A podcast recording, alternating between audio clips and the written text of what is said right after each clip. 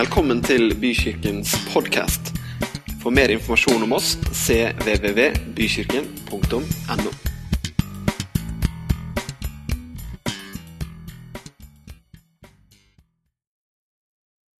Jeg har lyst til å be nå om at vi skal eh, få hjelp til å høre hva som ligger på Guds hjerte.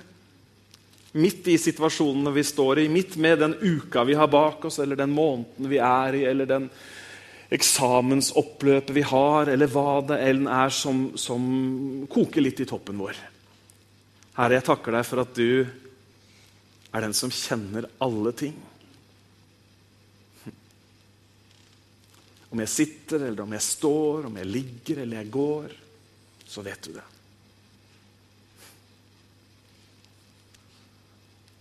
Og så er din kjærlighet den er konstant. Og jeg ber deg, Herre, om at du skal hjelpe oss til å høre ditt, de ordene som ligger på ditt hjerte denne formiddagen her i Bykirken. Og jeg ber, Herre, med en forventning og en tro på at ditt ord det endrer situasjoner. Ditt ord er sannhet, ditt ord gir retning, det gir perspektiv, det belyser. Ditt ord er sannhet. Og jeg takker deg, Herre, for ditt levende ord. Takk at du har gitt oss dette testamentet som sier hva vi har fått i troen på deg. Amen. Amen.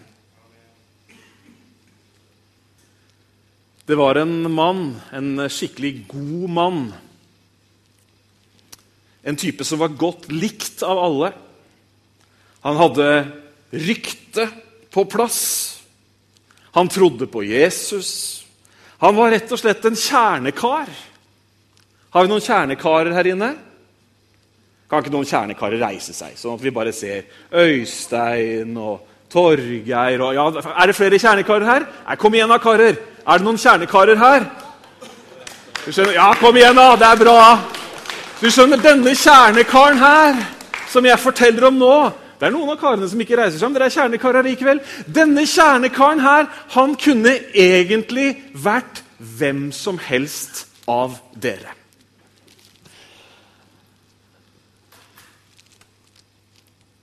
Han tilhørte de som kaller seg kristne. Det gjør jo mange her også. Kristen som egentlig bare betyr lik Kristus.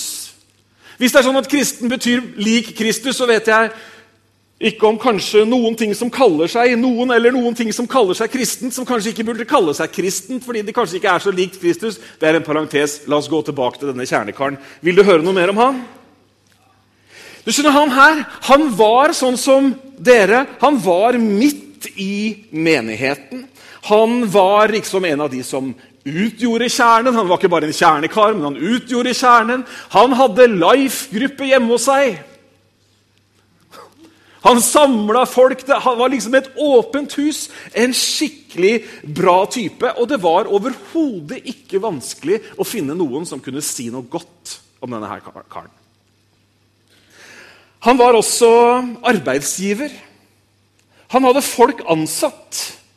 På den tiden så brukte man kanskje ikke arbeidsgiver og ansatt, men han var det de kalte for en herre som hadde slaver. En av de som jobba for han, gjorde noe som ikke var veldig bra. Han ble oppdaga, og han stakk. Og han dro til nærmeste storby for å gjemme seg. Mens han var på rømmen, så skjedde det noe helt merkelig. Sjefen hans, altså hans herre, denne gode kjernekaren, han hadde en veldig god venn som denne her slaven hadde hørt om før. Og han var visstnok for tiden fengsla. Han satt i fengsel i Rom. Og på en eller annen merkelig måte så kjente denne rømlingen han kjente at han, han måtte liksom bare prøve å få til å treffe denne karen. Han skjønte ikke helt hvorfor. Men han tok mot til seg og oppsøkte han. Og denne rømlingen visste at det jeg gjør nå, det kan få helt fatale konsekvenser. En rømling på fange Nei, en, en, en rømling på frifot. Det kan, alt kan skje. For en sånn en skulle nemlig straffes. Men nå var han altså der, i fengselet, for å oppsøke denne mannen. Med blikket ned i steingulvet så gikk han forsiktig bort der de sa at han som heter Paulus, satt. Paulus kunne lukte lunta på lang avstand. Her kom det en som bar på tunge byrder. Paulus åpna munnen og begynte å fortelle om han, om han som bærer alles byrder. Om en Gud som bryr seg om hvert enkelt menneske. Dette gjorde sterkt inntrykk på den rømte slaven. Ikke bare traff han en spesiell fyr som hadde en fred med seg som ikke hørte hjemme i et fengsel i det hele tatt. Men han hørte på hva han sa, og han snakka om Gud. Han sa at Gud var full av kjærlighet og brydde seg om alle mennesker. Han sa at det spilte ingen rolle hvor mye rot man hadde stelt i stand. Gud var vanvittig nådig og ville tilgi dem som angra og ville gjøre opp for seg. Jo da, tenkte slaven. Det er sikkert fint, men det er lettere sagt enn gjort. Denne spesielle mannen som satt i fengselet, fortsatte å fortelle om Gud mens han så rømlingen i øynene. Plutselig så kom klumpen i halsen, og hjertet ble tungt. Han bare måtte fortelle historien sin. Om underslaget, om at han hadde sveket sin herre, om at han hadde rømt. Alt bare rant ut som en foss. Og når slaven var ferdig å si sitt, så så denne kristne fyren han rett inn i øynene og smilte med en varme som var helt uventa. Og så sa han alle mennesker har bomma. Alle mennesker har synda mot Gud. Men Gud han bryr seg likevel og vil allikevel gi de menneskene en ny start. Det er en utrolig gave. Praten gikk videre. Og det endte med at rømlingen gjerne ville at Gud skulle tilgi ham. Så ba de sammen. Og så hang de sammen noen dager og ble skikkelig gode venner. Og han som hadde stukket av fra arbeidsgiveren sin, bestemte seg for at han ville tilbake og gjøre opp for seg. Men hvordan skulle det gå til? Det var slett ingen selvfølge at ting ville ordne seg. Han kunne jo ikke kreve noe. Han hadde sviktet, gjort en bommert av dimensjoner. Det var som om Paulus, som satt i fengselet, kunne lese tankene hans. Jeg kjenner han veldig godt, sa Paulus. Han er jo en skikkelig bra mann som er en seriøs etterfølger av Jesus. Og vet du hva? Jeg sender han et brev jeg, og forteller hva som har skjedd med deg. Så kommer dette helt sikkert, helt garantert kommer det til å gå bra. Skal vi lese brevet som Paulus skriver? Det, står, det er Paulus' brev til Filemon. Og det lyder sånn. Paulus, Jesu Kristi fange, og vår bror Timoteus hilser vår kjære venn og medarbeider Filemon, vår søster Apia, vår stridskamerat Arkipos og menigheten som samlet i ditt hus. Nåde være med dere og fred fra Gud, vår Far, og Herren Jesus Kristus. Så skriver Paulus videre til Filemon. Jeg takker alltid min Gud når jeg husker på deg i mine bønner, for jeg hører om kjærligheten du har til alle de hellige, og om din tro på Herren Jesus. Jeg ber om at den tro du har felles med oss, må være virksom og gi deg større innsikt i alt det gode vi har i Kristus. Din kjærlighet har vært til hjelp og stor glede og oppmuntring for meg. Takket være deg, bror, er de hellige ved godt mot. Og så kommer han til sakens anliggende. I Kristus kunne jeg nå med full rett pålegge deg å gjøre din plikt. Men for kjærlighetens skyld vil jeg heller rette en bønn til deg. Her er jeg, den aldrende Paulus, nå også som Kristi Jesu fange. Jeg ber deg for Onesimus, barnet som jeg har fått her mens jeg sitter i lenker. En gang var han unyttig for deg, men nå er han nyttig både for meg og deg. Når jeg nå sender han tilbake til deg, er det som om jeg sender mitt eget hjerte. Jeg ville gjerne ha beholdt han hos meg, så han kunne ha hjulpet meg i ditt sted når jeg nå bærer lenker for evangeliets skyld. Men uten ditt samtykke så vil jeg ikke gjøre noe. For det gode du gjør, skal ikke skje av tvang, men frivillig. Kanskje ble han tatt fra deg en stund for at du skal få beholde ham for evig. Ikke lenger som slave, men som noe mye mer, som en elsket bror. Det er han sannelig for meg. Hvor mye mer skal han ikke da være det for deg, både som menneske og i Herren? Hvis du, har, hvis du, mener at du har fellesskap med meg, så ta imot han som meg selv. Hvis han har gjort deg urett eller skylder deg noe, så sett det på min regning. Dette skriver jeg Paulus egenhendig. Jeg skal betale. Jeg vil ikke snakke om det du skylder meg, nemlig deg selv. Ja, bror, la meg nå ha nytte av deg, Herren. Gjør mitt hjerte rolig i Kristus.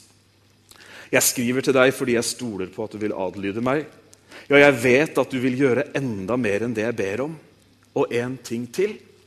Gjør et gjesterom klart for meg, for jeg håper at jeg skal bli gitt dere som svar på bønnene deres. Epafras, min medfange for Kristi Jesus skyld, hilser deg. Det samme gjør Markus, Aristarkos, Demas og Lukas, mine medarbeidere. Herren Jesu Kristi nåde være med deres ånd.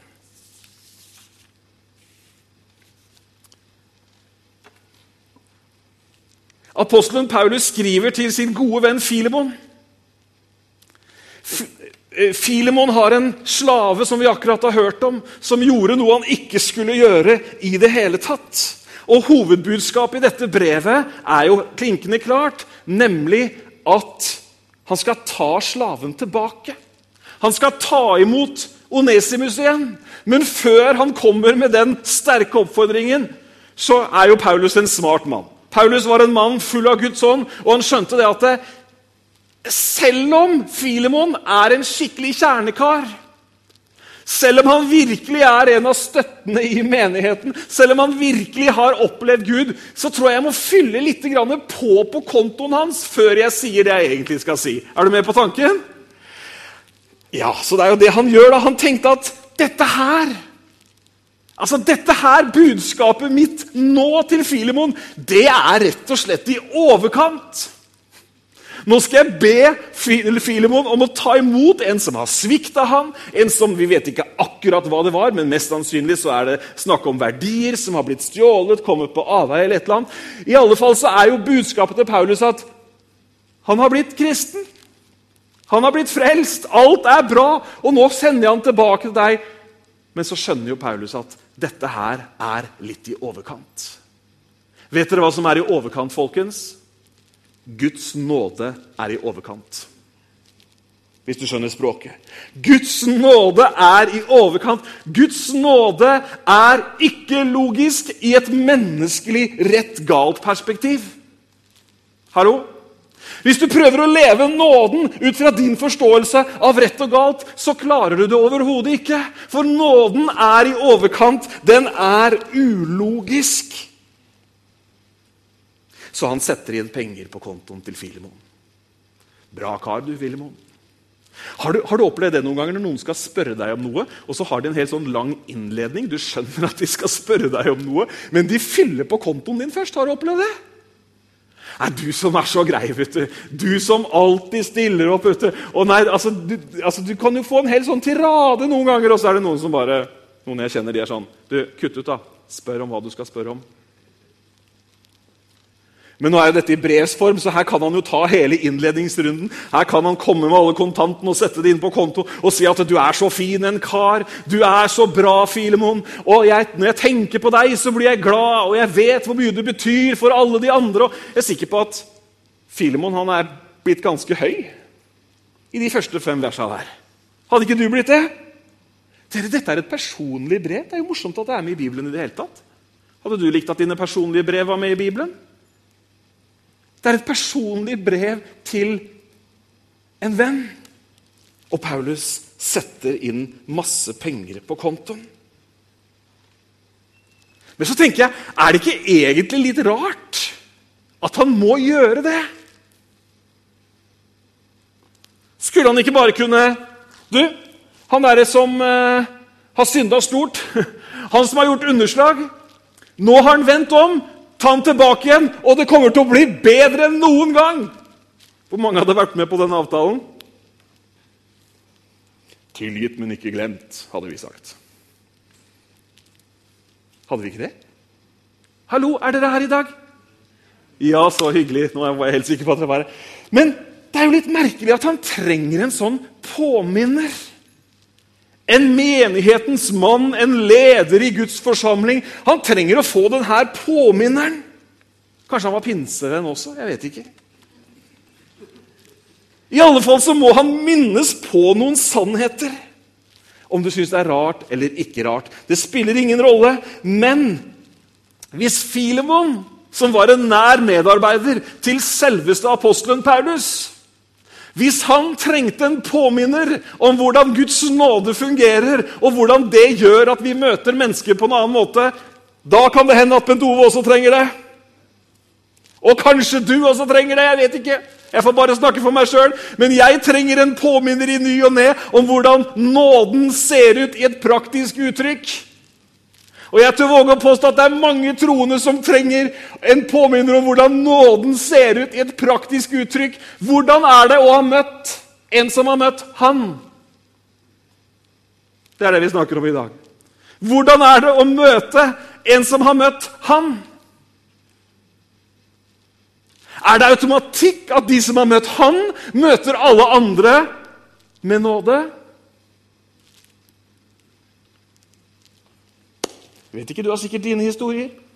Jeg har mine historier. Jeg har både historier om nåde og jeg har historier om ingen nåde i det hele tatt. Så jeg trenger en påminner. Nåden er radikal. Nåden er annerledes, dere. Nåden står i en så utrolig sterk kontrast til det menneskelige. Og kanskje det er nettopp derfor vi må minnes på det gang på gang. Denne søndagen er en sånn påminner nok en gang om Guds nåde. Om Guds ufortjente godhet. Om den godheten som strekker seg ut, og som omfavner, og som tilgir, og som varmer, og som gir kjærlighet, når den logiske sansen egentlig sier konsekvens straff du får som fortjent. Hvis vi kobler oss litt av alt det som tar oppmerksomheten vår hele tiden Hvis vi våger å være stille i livet vårt mer enn tre minutter, så blir det tydelig for oss. Så husker vi selv på Så husker jeg selv på hvilket behov jeg har for Guds nåde. Kristus døde for meg. Kristus døde for deg. Vi elsker Han, men Han elsket oss først. Jeg tror dette perspektivet er utrolig viktig. dere. Likevel, selv om det er så utrolig viktig, så er det så lett at det forsvinner fordi våre menneskelige tanker, de styrer oss. Våre menneskelige tanker. De styrer oss, og de styrer oss også i vårt møte med andre mennesker. Hva, hvordan vi svarer, hvordan vi er, hva vi gjør, osv. Men troen vår, den er annerledes. Bibelen er full av oppfordringer om å tenke nye tanker, om å ha Kristi sinnelag osv. Men dere, troen som du og jeg har felles Jeg har lyst til å vise deg noe i denne bibelteksten før vi snakker litt mer om knuten på tråden mellom Filemon og Onesimus. Vi leste fra, fra dette korte brevet, og i eh, vers 6, helt stille, nei, helt, helt tidlig, så be, sier Paulus at han ber for Filemon. Hør på hva han ber. Min bønn, sier Paulus, er at samfunnet med din tro må bli kraftig i erkjennelsen av det gode som er gitt dere i Kristus Jesus. I 2011-oversettelsen så står det «Jeg ber om at den tro du har felles med oss, må være virksom og gi deg større innsikt i alt det gode vi har i Kristus. Dere, hør her. Vi har en tro som er felles, ikke sant? Jeg kjenner jo ikke alle intermargen her, men stort sett i dag her så tror jeg det er mennesker som har en tro. Vi har en felles tro.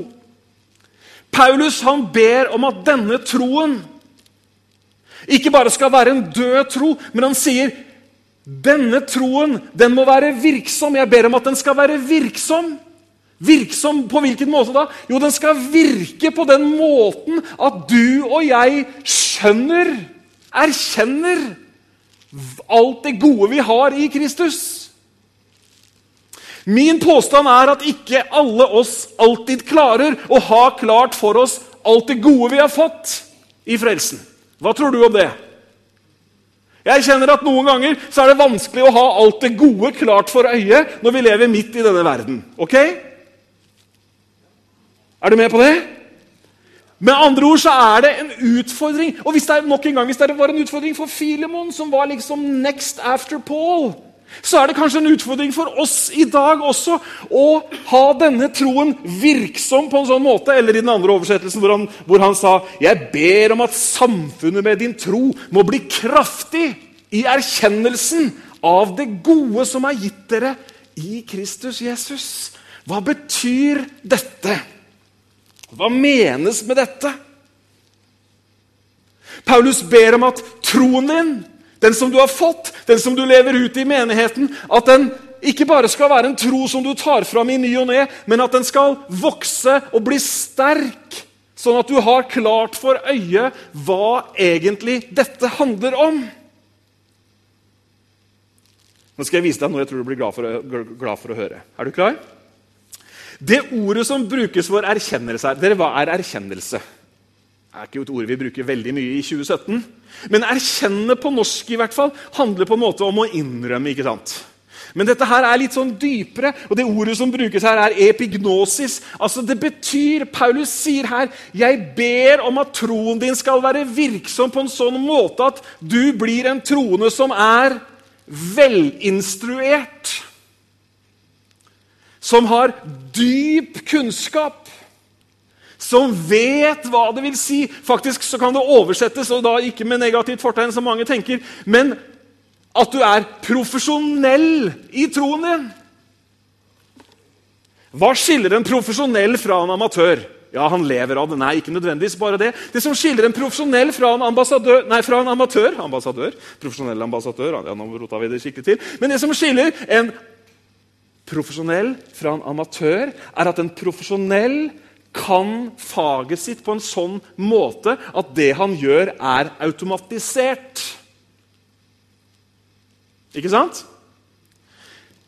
Når jeg har lekkasje på taket, så er jeg amatør. Da tar jeg en kikk, og så mener jeg at kanskje det er sånn og sånn. Og så setter jeg stigen opp og så undersøker jeg litt nærmere, og så finner jeg ut at her stopper det for meg. Jeg ringer en proff. Så ringer jeg en proff. Han sitter her. Kan ikke du reise deg, Torgeir? Han er profesjonell. Han er profesjonell i dette her. Så når han kommer til utfordringen, så tar det han altså for min stolthet nesten litt sånn pinlig kort tid å fikse den lekkasjen.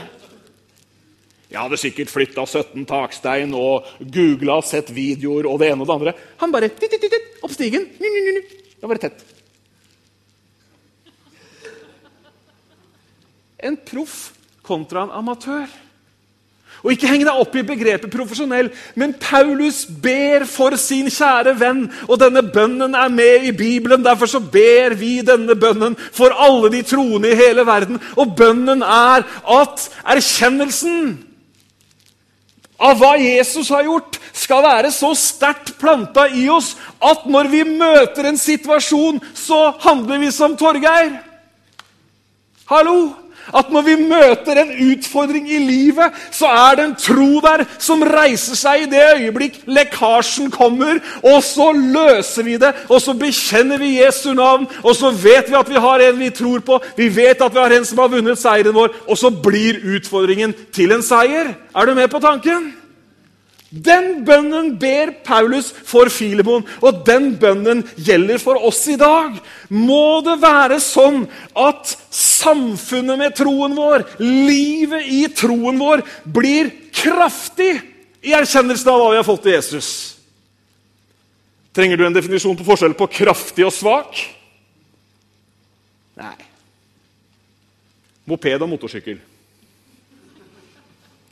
Moped svak. Motorsykkel sterk. Ikke sant? Du henger med? Kjære venner.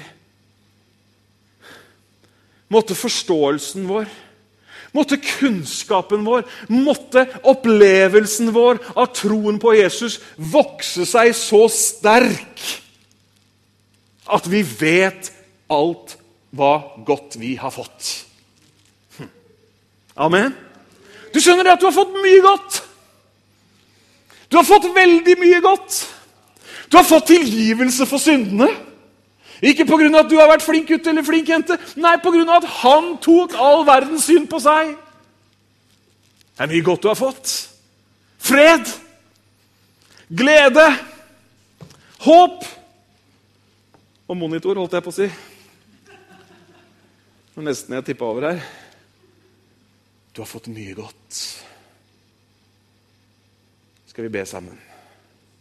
Og prekenen er ikke slutt. Men er det noen som vil være med på en bønn om at vi skal bli profesjonelle? Nei da, ikke heng deg opp i det. At vi skal bli sterke. Sånn at vi kan bli stående. Herre, vi ber om at den troen som vi har fått, må være virksom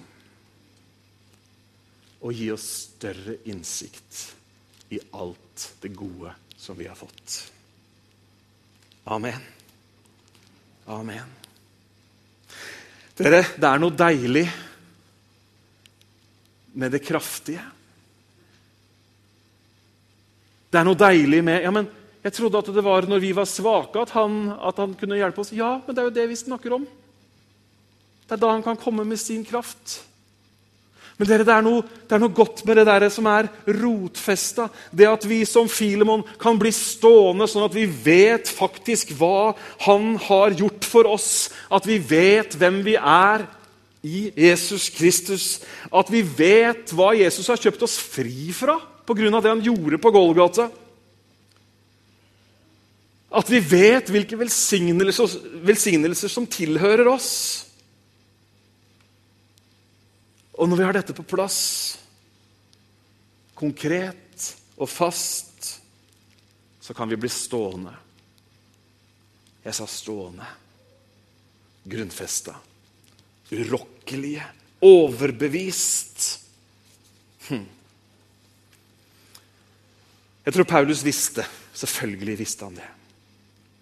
Han visste at når dette er på plass i livet vårt, hva da?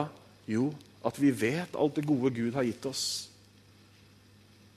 så skjer det noe med hvordan vi møter menneskene rundt oss. Hm. Når vi vet hvor stort behov vi sjøl har av Gud, så kan vi også på lettere måte møte folk annerledes. Vet dere hva? Jeg tror du og jeg, vi, vi må blåse liv i denne sannheten om oss selv. Vi må blåse liv i den sannheten som sier noe om hvem vi er, sett i lys av Jesus.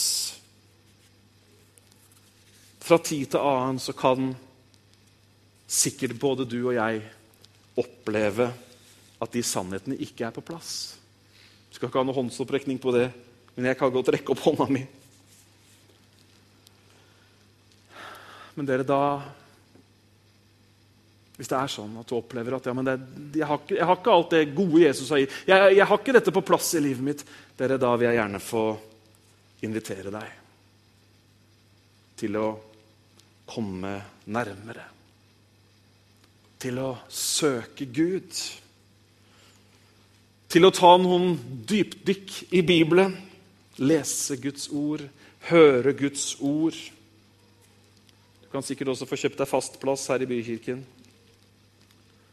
Helt til vi kommer dit hvor vi er velinstruerte, grundige, dyp kunnskap om alt det gode som Han har gitt oss. Hm. Sannheten om hvem vi er Jesus, det er en nøkkel for å møte alle livets utfordringer.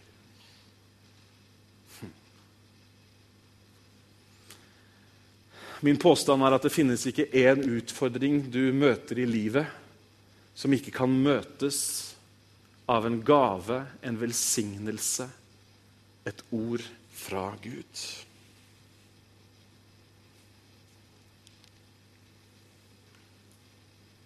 Og for andre igjen så er kunnskapen om erfaringen opp og åpenbaringen, vil jeg gjerne også si, av hva Jesus har gitt oss det er det som faktisk er nøkkelen til at vi kan få oppleve frihet.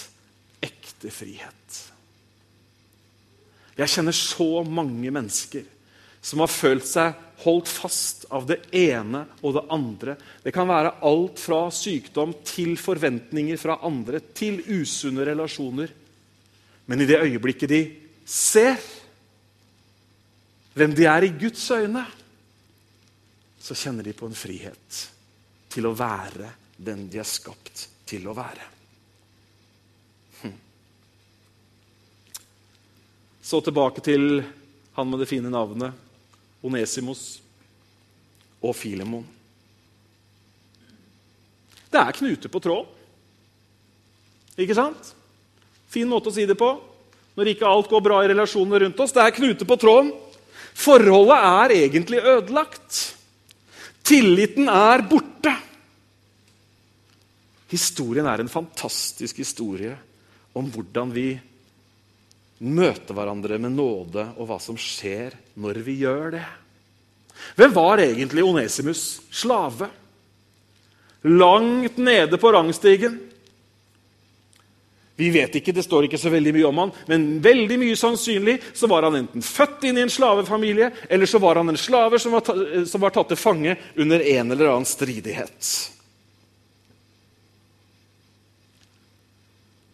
Så skjer dette her. Det er kanskje ikke så rart at det skjer. Jeg vet ikke, Får du noen ganger sympati med folk som er veldig fattige som, eh, eller veldig trengende, som utnytter systemet på en eller annen måte? Jeg får litt sympati med, med den type mennesker. Jeg har litt sympati med Onesimus, som eh, tydeligvis tar noe som ikke er sitt. For han hadde mest sannsynligvis ingenting. Og da, da er mennesket villig til å gå langt og til og med gjøre det som er feil. I alle fall så er det knute på tråden. Og nå er det jo litt forskjell på menn og kvinner. Noen liker å snakke om eh, løs, hvordan man løser knuten, andre liker å snakke om knuten. Det skal vi ikke ta akkurat nå. Men uansett, det er i hvert fall krøll. Det er skikkelig krøll, og det er umulig per definisjon, per samfunnets lover og ordninger, så er det umulig for, for Onesimus å vende tilbake til sin sjef. Selv om han visste at han var kristen. Dere, Det er ikke alle som opplever at det er noen forskjell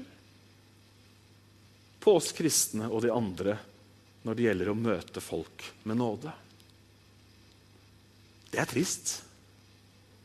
Er det ikke det? Jeg syns det er kjempetrist. Jeg kjenner en som jobber på på en bensinstasjon. Og han jeg kjenner, han, eh, han, han kjenner mange kristne, vet om mange kristne i byen her. Men de vet ikke hvem han er. Og noen ganger når du hører om hvordan noen av vi kristne kunder hvordan vi oppfører oss overfor eh, et stakkars menneske som eh, prøver å tjene noen penger, så kan man jo bare bli flau. Det bør være en forskjell, bør det ikke det? Er du enig? Ja, det bør være en forskjell. Men i alle fall det er krøll på tråden, og det ser ikke lyst ut for Onesimus i det hele tatt. Men så kommer Paulus da, som et bilde, som en Kristus-skikkelse, som en Jesus. Og så sier han, skriver han det til Filemon, at når jeg nå sender han tilbake, så er det som om jeg sender mitt eget hjerte. Kunne ikke heller tatt tatt en annen versjon. Nå har jeg avslørt den. Nå skal vi sørge for å få den tilbake, og så skal vi gi den en prøvetid på tre måneder for å se om han egentlig har skikka seg. Hadde ikke det vært bedre av dere? Paulus hadde forstått nåden. Hvis det var noen som hadde forstått Guds nåde, så var det Paulus. For han var den verste av dem alle i motarbeidelsen av Guds rike. Og så blir han den fremste forkynneren.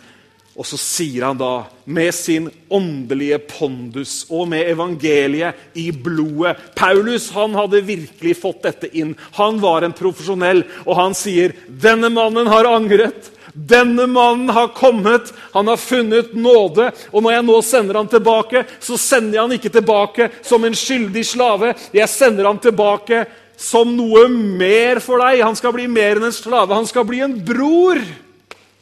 Herlig!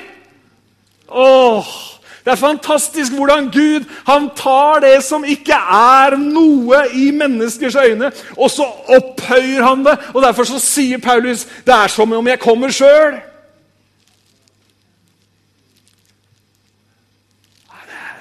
Takk for den store responsen. Men jeg skal ikke be om noen stor respons, for den her, jeg har den på innsiden, jeg òg. Men det er jo bare helt rått hvordan denne mannen, som er det laveste av de lave, møter en tilgivende Gud, og så blir han sendt tilbake.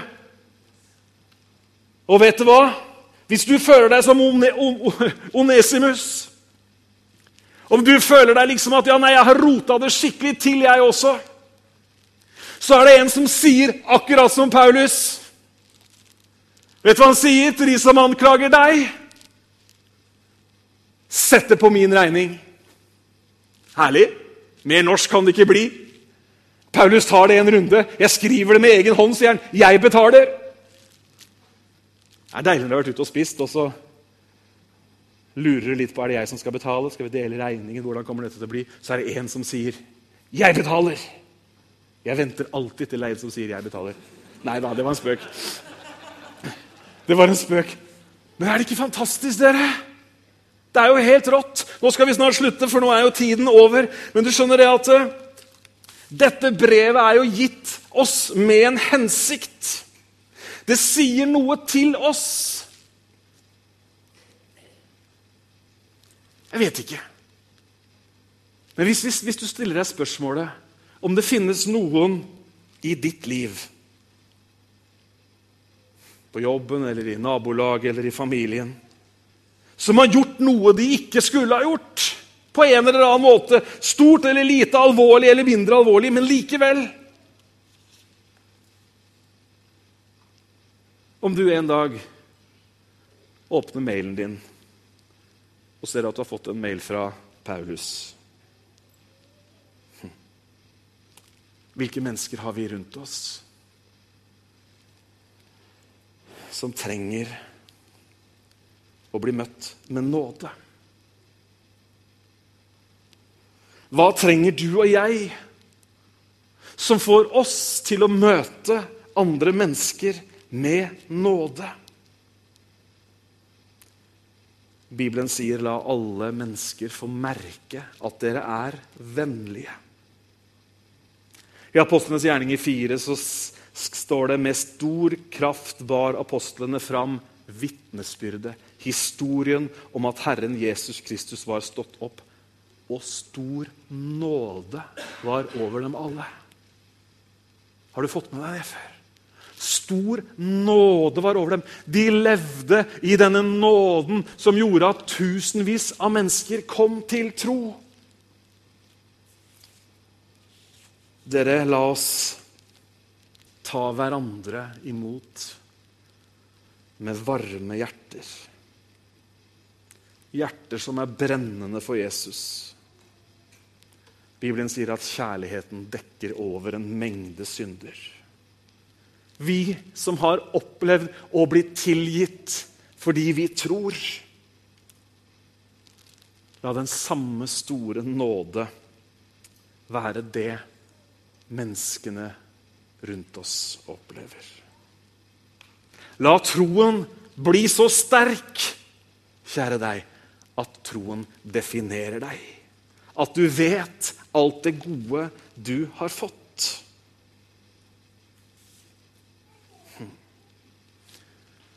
Enden på visa for Filemon og Nesimus er ganske spesielle. Filemon, som hadde en liten forsamling i sitt hus, han ender opp som en av biskopene i den første kirke. Stor åndelig leder. Han og hele familien hans lider martyrdøden under keiser Nero. Filemon finner vi også litt seinere i kirkehistorien. Han overtar som biskop etter, Timoteus, som var i Efesus. Filemon, nei, Onesimus overtar som biskop rett etter Timoteus i Efesus. Herlig? Fra slave til biskop. Med alle synlige menneskelige odds imot. Fordi det var én som sendte han, og han sa, 'Det er som om jeg sender mitt eget hjerte'.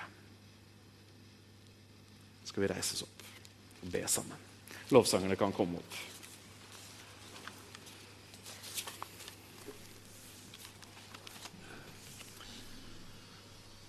Denne historien den eh, har vært sterkt inni meg i lang tid. Jeg har vendt tilbake til den flere ganger. Og jeg tror den har noe viktig å si oss. Så vi skal bare be sammen at vi kan ta vare på det vi har hørt. Og med det å ta vare på det, så betyr det at vi lar det vi har hørt, få smelte sammen med troen i hjertene våre.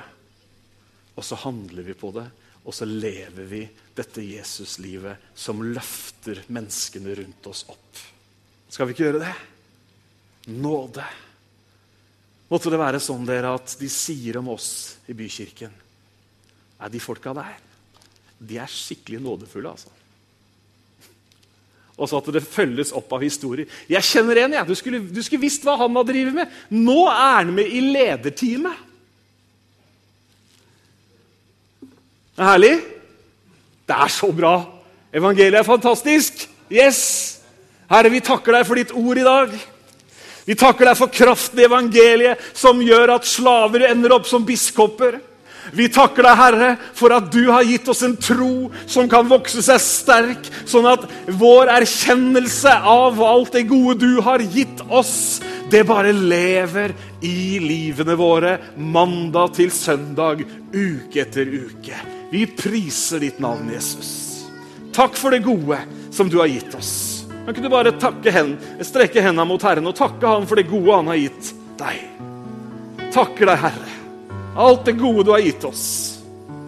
I troen på deg.